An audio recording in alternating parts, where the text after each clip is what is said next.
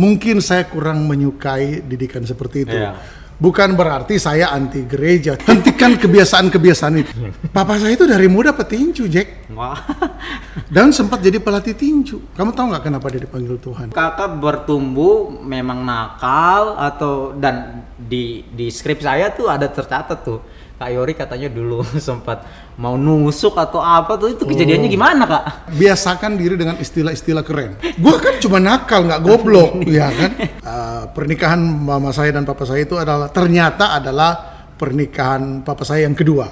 Oh, ya, iya. so- makanya saya dari dulu belajar musik, ya kan, belajar eh, nyanyi, ya Ya, kan. Kak, maksudnya hilang pewahyan itu apakah masih marah, masih ada marah atau memang eh, kakak udah berusaha untuk melepas atau bagaimana? Buahnya adalah saya ambil pisau. Terpesona, aku terpesona memandang memandang wajahmu yang manis.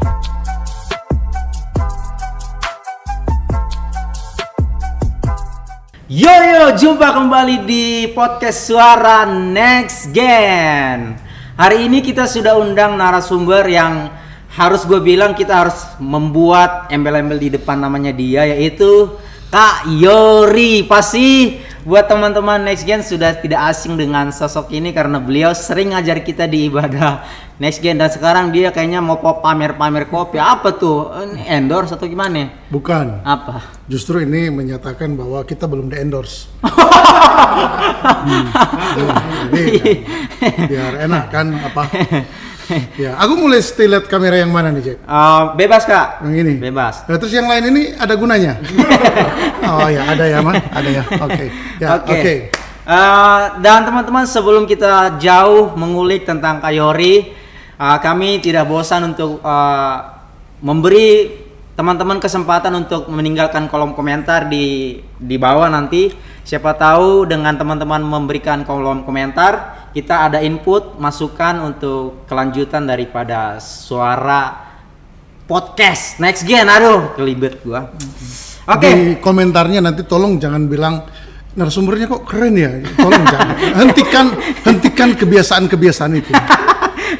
ini ciri, ciri khasnya Kayori, ini ciri khasnya Kayori. Ya. Oke Kayori, uh, Yap. sorry gue harus mulai dari masa lalu karena Kayori kan sudah kita bilang tadi Kak Yori, berarti Kayori adalah sebagai senior kita di Next Gen. Iya. Nah sorry Kayori. Ya, lanjut.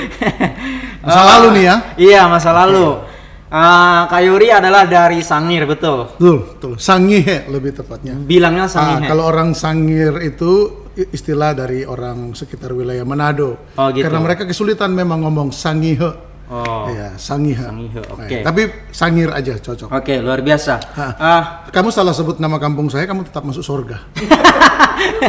nggak ngaruh itu ya nggak ngaruh oke Kairi Yep. eh, gimana dulu seorang Yuri kecil atau Yuri remaja bertumbuh Oh iya, Eh, saya memang terdidik berdoa ya. Oh, berdoa. Sejak SD. nah itu biasanya kebalikannya teman-teman kebalikannya Iya, justru saya lagi ingat, saya lagi cerita Pak aja masih remaja. Iya. ya, eh, buat teman-teman next gen. iya betul Oke. Eh, Kak Yori bertumbuh, lahir dan bertumbuh di sebuah pulau, kepulauan namanya Kepulauan Sangihe atau orang Sangir. Iya. Eh, 10 Maret tahunnya jangan disebut karena akan mengganggu kestabilan hati saya selama podcast teman-teman ini. udah tahu lah Udah tahu lah mereka ya, ya kan Ah, nggak beda jauh, nggak beda jauh lah sama. Jepti. 90 berapa gitu.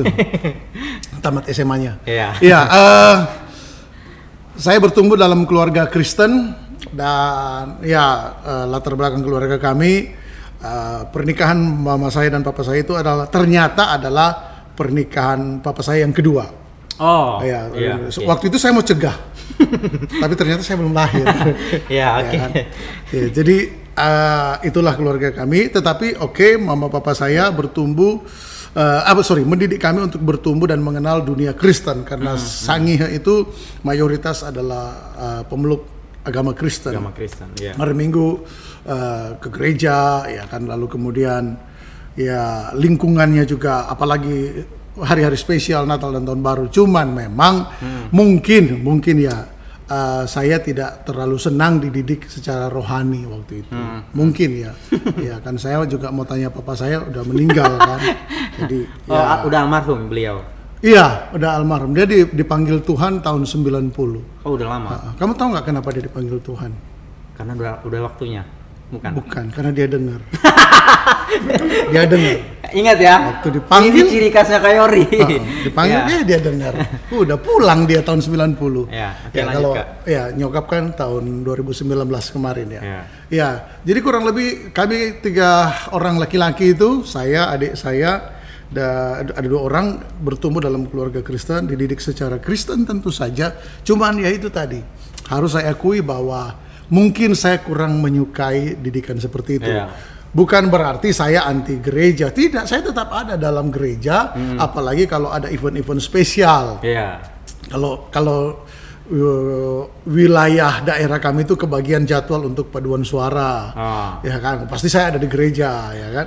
Uh, Dan kalau- biasanya Sulawesi eh, seni seni oh eh, ya, musikali- musikalitasnya tinggi. Iya. Ya, memang sangat sangat kental dengan budaya musik, Iya, ya kan. iya. Nah, Itu makanya saya dari dulu belajar musik, ya Hmm. kan, belajar uh, nyanyi, ya Iya. kan. Dan semuanya kurang berprestasi. gitu aja. Ya oke kak, balik lagi tadi Nah, eh, soal iya, didik. segera kamu selamatkan karena ini podcastnya terancam pada membahas hal-hal yang tidak perlu. Iya iya. Ya oke kak, karena tadi kak Yori sudah sempat buka bahwa kak Yori bertumbuh tidak terlalu menyukai hal-hal yang eh, rohani atau didikan Kristen. Iya. Nah kalau boleh tahu maksudnya itu kakak bertumbuh memang nakal atau dan di di skrip saya tuh ada tercatat tuh kak Yori katanya dulu sempat mau nusuk atau apa tuh itu kejadiannya Oh. gimana kak? Kamu baca di koran itu. Enggak, percayalah sumber saya ter, ter- terpercaya. Oh ya, oke. Eh, segera kamu ganti sumber kamu. ya, ya eh, Itu sungguhan atau atau gimana? Ya sebenarnya saya mau bilang itu bohong, tapi ternyata itu sungguhan, ya kan? Kejadiannya itu tahun berapa saya lupa, ya kan? Kayak lagu itu, Iya. ya kan? Ada lagu lama dulu, ya Iya. kan? Ingat harinya, lupa tanggalnya. Heeh, kami nggak belum lahir. Ya Kak. belum lahir lah next gen waktu itu next gen waktu itu oh, Tuhan jangankan kamu bapakmu aja masih remaja ya kan oke eh, saya tahun 95 tamat SMA merantau ke Jakarta Jack dan singkat kata Tahun berapa kak? 95 95. Oke. habis pertandingan seni di Manado dari daerah saya ya kan kami saya dan teman-teman ke Manado untuk bertanding salah satu kesenian Iya. Mas Samper ya kan lagu-lagu Mas Samper itu yang lagi viral sekarang itu terpesona aku terpesona memandang memandang wajahmu yang manis Eh, saudara-saudara jika saudara oh, balik kak, balik, salah. balik. Ya. Ya. nah Sem- 95 balik ke Ya, Jakarta. bertanding ke Manado, lalu kemudian teman-teman balik ke kampung. Saya ya kan sudah terbius dengan iming-iming merantau ke Jakarta, Metropolitan. metropolitan, ya kan, ya kan. Nah, nah, eh, tahun sampai dan sampailah di Bekasi. Sampai di Bekasi. Sampai di Bekasi, eh, ya hidup dalam kegelapan tentu saja dalam dosa, terus bertobat. Hmm. Nah, awal-awal pertobatan saya, saya kan eh, ya Oh, jadi kasus itu justru malah di awal saya pertobatan. sudah jadi pengerja gereja itu. Oh. Saya sudah pengerja gereja. Memang ya kok bisa pengerja gereja kejar pendeta pakai pisau kan memang banyak yang bilang begitu. Kayak kok orangnya sabar ya apa gitu kan. Kan gitu. Saya, Iya. Ingat ya teman-teman, kalau dia bilang begitu berarti itu kebalikannya. Kemungkinan besar sebaliknya ya kan. Pakai psikologi terbalik Iya. ya. Ya, Istilah-istilah kayak gitu kan istilah-istilah orang pintar ya Jack, ya. Mereka harus mulai terdidik dengan hal Oh iya, gitu. mereka biasakan diri dengan istilah-istilah keren. Oke, lanjut kak. Oke. ya, karena kalau enggak kita ke mana-mana Iya. ya. Nah, saya tahun 98 itu sudah sekolah Alkitab, sekolah penginjil waktu Iya, itu. oke. Tamat dan sambil sekolah Alkitab itu kan melayani di salah satu gereja. Iya. Gembalanya juga ada dekat sini, ya kan. kalau saya sebutkan namanya nanti pasti sampai ke dia dan kasihan dia malu ya kan. nah, waktu itu sebenarnya ceritanya Bapak Ibu rohani saya itu ada satu persoalan yang mungkin cukup eh, membuat mereka terpukul, malu Iya. dan ada banyak orang yang membicarakan ya. Biasa kan kita senang kalau orang Kristen dengar orang Kristen lainnya jatuh dalam dosa itu kan kayak ada Apalagi dia seorang pendeta. apalagi di seorang pendeta oh Kayaknya kita gitu kan. punya kesempatan untuk Ah. benar-benar menjatuhkan dia. benar benar karena iya karena memang eh, spirit ahli Taurat dan orang Farisi kan memang senang ada banyak dalam Iya. diri kita Iya. ya kecuali next gen ya Oke. ya kan kecuali next gen karena lagi ngomong sama next gen ya selesai ini ada podcast dengan yang lain saya ngomong ya beda ya. nah saya lagi makan waktu itu Jack Iya. saya lagi makan lagi makan siang ya kan nah orang ini hamba Tuhan ini datang Hmm. datang dan karena saya boleh dikatakan begini setelah bapak ibu gembala mungkin saya dianggap berpengaruh pada waktu itu mungkin Iya. mungkin karena ya selama ini kan kau tahu sendiri kan ya kan saya kan gimana kan orangnya ya ya kan ya, sangat berpengaruh ya kan berpengaruh pengaruh buruk ya kan? nah Catat ya pengaruh buruk. Nah dia datang ke saya dan dia mulai ngomong. Iya. Dia mulai ngomong, eh kamu tahu nggak persoalan ini? Tahu? Saya bukan nggak tahu, tahu dong, ya kan? Saya tahu, cuman kan lagi makan, ya kan? Iya. Ya, udah tahu, juga udahlah lupakan, ya kan? Lalu orangnya terus desak saya, Iya. ah masa kamu nggak tahu? Saya mulai kesel, ya kan? Mulai kesel. Nah, karena orang Sulawesi Utara itu boleh diganggu dalam banyak hal kecuali jangan ganggu dia lagi makan. Iya kan? Iya, iya. Iya. Sampai ada slogan kan itu. betul, betul, ya kan?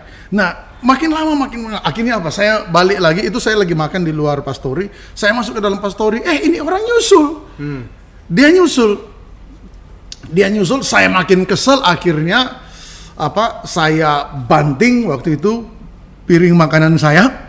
Lalu saya ke dapur, saya ambil pisau langsung saya kejar. Ush. Langsung saya kejar dan kami berdua kejar-kejaran seperti eh, Tom and Jerry. Tom and Jerry, ya kan? Nah, di satu momen Tuhan tolong hamba Tuhan itu, Ah, ah. saya entah nyangkut bagaimana saya jatuh. Saya lagi kejar dia Kak Yori dengan menyadari itu bahwa itu adalah Tuhan. Eh, waktu itu sih belum menyadari itu Tuhan. Hmm. Waktu itu menyadari goblok banget gue ya. ya kan kok jatuh ya kan. Nah, Iya. tapi saya jatuh. Nah, waktu Iya. jatuh itu itu ternyata adalah momentum jamahan Tuhan untuk Iya. menyadarkan saya. Iya. Saya kira saya juga adalah orang yang yang tadinya ya papa saya sering kali kalau mau pukul orang itu panggil saya lalu untuk kasih lihat nih saya papa pukul orang dan itu bikin saya nangis karena saya nggak suka papa saya seperti itu. Ya. Iya makanya itulah memori saya tentang papa saya selain ada banyak kebaikan lainnya ya. Ya. Jadi saya sebenarnya menurut saya saya tidak suka kekerasan tetapi ternyata kekerasan itu masuk dalam batin saya Iya. sehingga kok kamu bisa kepikiran ambil pisau nggak ada kepikiran begitu nggak ada rencana Iya kan, kok kamu bisa ambil rencana, ambil pisau dan kemudian ngejar itu kan hamba Tuhan, itu kan Iya. pendeta ya kan, Iya. ya kan. Nah, kesel aja pada waktu itu penuh di- dikuasai dengan amarah dan ya sudah pasti tentu saja setan ya kan. Iya. Nah, waktu saya bangun dari yang jatuh itu, itu kayak disadarkan Tuhan gini, kamu lihat apa yang di tangan kamu itu. Nah, saya waktu itu lihat seperti saya lihat eh, kayak ular gitu, seperti ya, Iya, seperti, seperti, iya. pengal- bukan ular-ular dalam bentuk bentuk itu, karena kalau ular dalam bentuk jasmani, ya mungkin saya ingatnya bawang, cabe, ya kan, jeruk, ya kan daun jeruk, wajan. Iya sama wajan. Nah, tapi se- mungkin semacam spirit ya. Iya. Mungkin teman-teman yang pernah hidup dalam dunia penyembahan berhala tahu. Jadi waktu saya lihat itu, saya kayak merasa jijik. Saya teriak, saya lepas. Hmm. Ya, saya lepas pisau itu dan saya nangis. Saya lari ke lantai dua dan saya nangis menyesali kok kenapa saya bisa jadi orang kayak begitu. Jadi kalau kamu tanya, itu adalah salah satu pengalaman yang membuat saya ya, aduh, malu dengan dengan dengan Tuhan, malu dengan dan cilakanya, cilakanya hari Minggu Hmm. Bapak Gembala, Ibu Gembala saya suruh saya pimpin pujian. Wow. Hari Minggu. Saya lupa itu hari apa ya. Hari Minggu mereka suruh saya pimpin pujian. Di saat saya lagi pimpin pujian, itu istri sama anak-anaknya hamba Tuhan itu datang ibadah di tempat kami. Luar biasa. Aduh, itu saya langsung hilang pewahyuan, Cek. Waktu lihat keluarganya turun. Iya, iya. Ya, kami waktu itu ibadah di ada tempat ibadah fasilitas dari Departemen Sosial. Ah, ah. Ya, jadi gerejanya itu agak agak jauh. Nah, jadi orang kalau turun di di pinggir jalan itu kelihatan siapa yang datang dari dari atas mimbar. Kelihatan. Jadi waktu saya lihat mereka datang, hilang pewahyuan saya. Sorry kak, maksudnya hilang pewahyuan itu apakah masih marah, masih ada marah atau memang eh, kakak udah berusaha untuk melepas atau bagaimana? Enggak, lebih tepatnya malu, Malu, oh malu. malu. malu aja. Malu. Beberapa hari yang lalu suaminya pendeta saya kejar pakai Iya, iya, pisau. oke. Sekarang saya di atas panggung ya kan. Haleluya, haleluya. ya kan untung saya nggak tahu ya, tapi keli- kelihatannya istri pendeta itu dia tulus loh. Ya, ya kan. Nggak ada tuh dia dalam hati. Wah, munafik nggak ada, nggak ada. Luar biasa. Menurut saya sih. ya oke Kak Yup. Yori. Eh, Kak Yori ya kalau kita sebut sebagai senior kita, eh, ini kan teman-teman beberapa eh, pasti sebagian besar yang menyaksikan podcast ini adalah anak-anak muda. Ya. Nah, sebagai orang yang kita anggap sebagai guru atau sebagai kakak rohani kita, bagaimana cara kita untuk sebagai orang muda Janganlah itu istilah yang terlalu eh, berat lah. atau oh ya oke ap- oh, oke hilangkan istilah itu tapi Lebih tepatnya mungkin eh, master kali. ya. itu ma- malah lebih itu. Oh, salah ya? Kalau oh iya, ya kakak lah. kakak Iya, lah. iya kayak kita uh, kita anggap Kak uh, Kak Yuri sebagai benar-benar kakak kita. Nah, untuk kita mengendalikan jiwa muda kita pada saat kan kadang-kadang kalau emosi itu udah naik, kita apa pun keputusan seolah-olah itu udah paling bener gitu. Kita langsung gampang sekali mengambil keputusan seperti pengalaman Kak Yori langsung pada saat itu memang langsung mengambil keputusan lari ke dapur untuk ambil pisau. Nah, Iya. kita cara kita apa memanage kita punya emosi Kak, Kak Yori bisa menang di selain pengalaman itu tadi ya ada pengalaman spiritual tadi Ya, pada akhirnya sekarang ya sekarang kan saya banyak bergerak di bidang pelatihan yang seperti itu ya. Jadi, eh, buat teman-teman di Next Gen, Kak Yori mau bilang begini, untuk menjadi orang yang merdeka dari ledakan amarah yang mendadak seperti itu, itu tidak ada tips dan trik selain daripada kamu mesti berdamai dengan kekalahan-kekalahan kamu di masa lalu. hmm. nah iya makanya saya bilang tadi di masa lalu Betul, kekalahan-kekalahan. Karena itu semua kan akan menumpuk. hmm, hmm, hmm. Kamu memikirkan betapa kalahnya kamu di masa yang lalu. Hmm. Ya kan, betapa direndahkannya kamu di masa yang lalu. Iya. Nah, waktu itu mungkin kamu tidak dapat berekspresi. Kamu- Waktu itu kamu mungkin tidak dapat balas. Sama kayak ketika eh, Kak Yori kecewa dengan perbuatan-perbuatan papanya Kak Yori. Waktu itu saya nggak bisa balas. Iya. Kenapa? Papa saya itu dari muda petinju, Jack. wah Dan sempat jadi pelatih tinju. Iya Ya kan? Lah kan nggak mungkin gua nakal di rumah, ya kan? Gua kan cuma nakal, nggak goblok, ya kan? Masa di rumah ada jagoan gua nakal di rumah? Enggak lah, ya kan? Ya kan? Nah, itu ber- itu tertimbun sekian lama. Belum lagi belum lagi ya merantau ke Jakarta dengan segala frustasinya, Iya. dengan segala pikiran-pikiran sehingga sebenarnya begini nggak bisa dipungkiri cuman waktu itu kan belum tahu istilahnya Iya. apa tetapi nggak bisa dipungkiri ada banyak kekecewaan ada banyak amarah di dalam diri saya Hmm. sekalipun sudah pelayanan karena area itu kan nggak pernah disentuh area Hmm. itu kan nggak pernah dipulihkan sehingga ketika ada trigger ada pemicu Iya. semacam itu udah meledaknya langsung ibarat lagu langsung overtone Iya. ya kan udah lagi naik naiknya jadi nggak ada nggak Pintunya ada- langsung kebuka. langsung kebuka Langsung lebar kebuka. bahkan bukan cuma di- bahkan tidak dibuka dengan sopan mungkin dibuka dengan cara didobrak jadi Iya. langsung meledak semuanya karena satu sisi eh, saya mungkin bukan orang yang bisa dijadikan sebagai pelayan yang paling hebat atau apa tetapi sampai hari ini saya selalu terapkan bahwa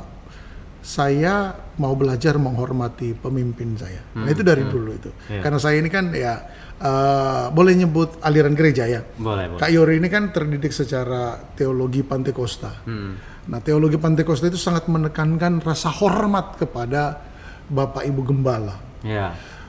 Terlepas bahwa mereka salah pada waktu itu, nah ketika ada saudara itu saudara dari Bapak Ibu Gembala saya sendiri, ketika dia coba merongrong itu merongrong itu pada tingkat yang saya nggak tahan antara membela dan juga karakter yang belum terbentuk, temperamen yang menyala, ledakan itulah yang terjadi. Sehingga buahnya adalah saya ambil pisau. Mungkin kalau bagi orang lain mungkin nggak ambil pisau ya kan, mungkin diambil senjata. Iya.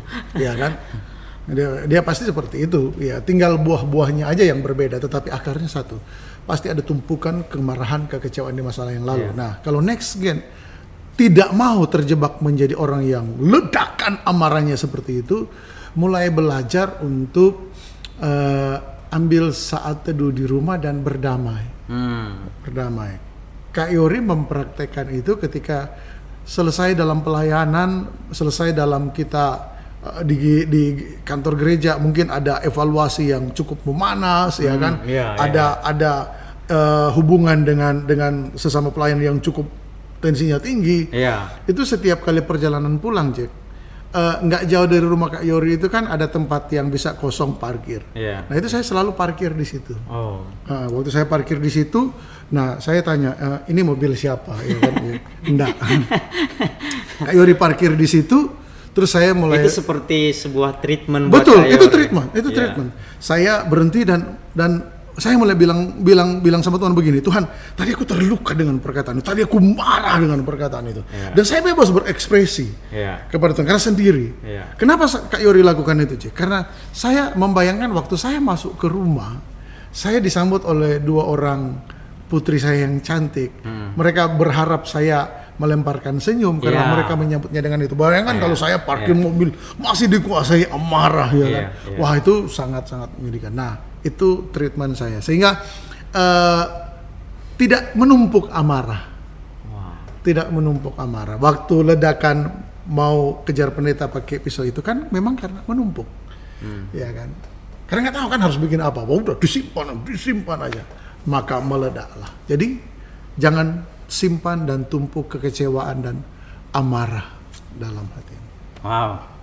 Oke, Kak Yori itu part pertama dari suara Netscan. Nah, teman-teman, poinnya adalah tadi Kak Yori mengatakan, saya garis bawahi bahwa kita harus mengatasi tumpukan-tumpukan di masa lalu supaya apa? Kita tidak meledak dan membuat uh, keputusan yang salah. Dan saya ingat banget tadi Kak Yori bilang, sebelum dia masuk ke rumah, sebelum dia bertemu dengan putrinya, dia sudah pastikan bahwa dia sudah menang atas beberapa jam yang lalu kecewaan dan itu perlu dicatat buat teman-teman next gen di rumah. Stay tune kita akan lanjutkan nanti minggu depan atau beberapa minggu beberapa hari ke depan untuk kita lanjutkan obrolan kita dengan Kak Yori. See you.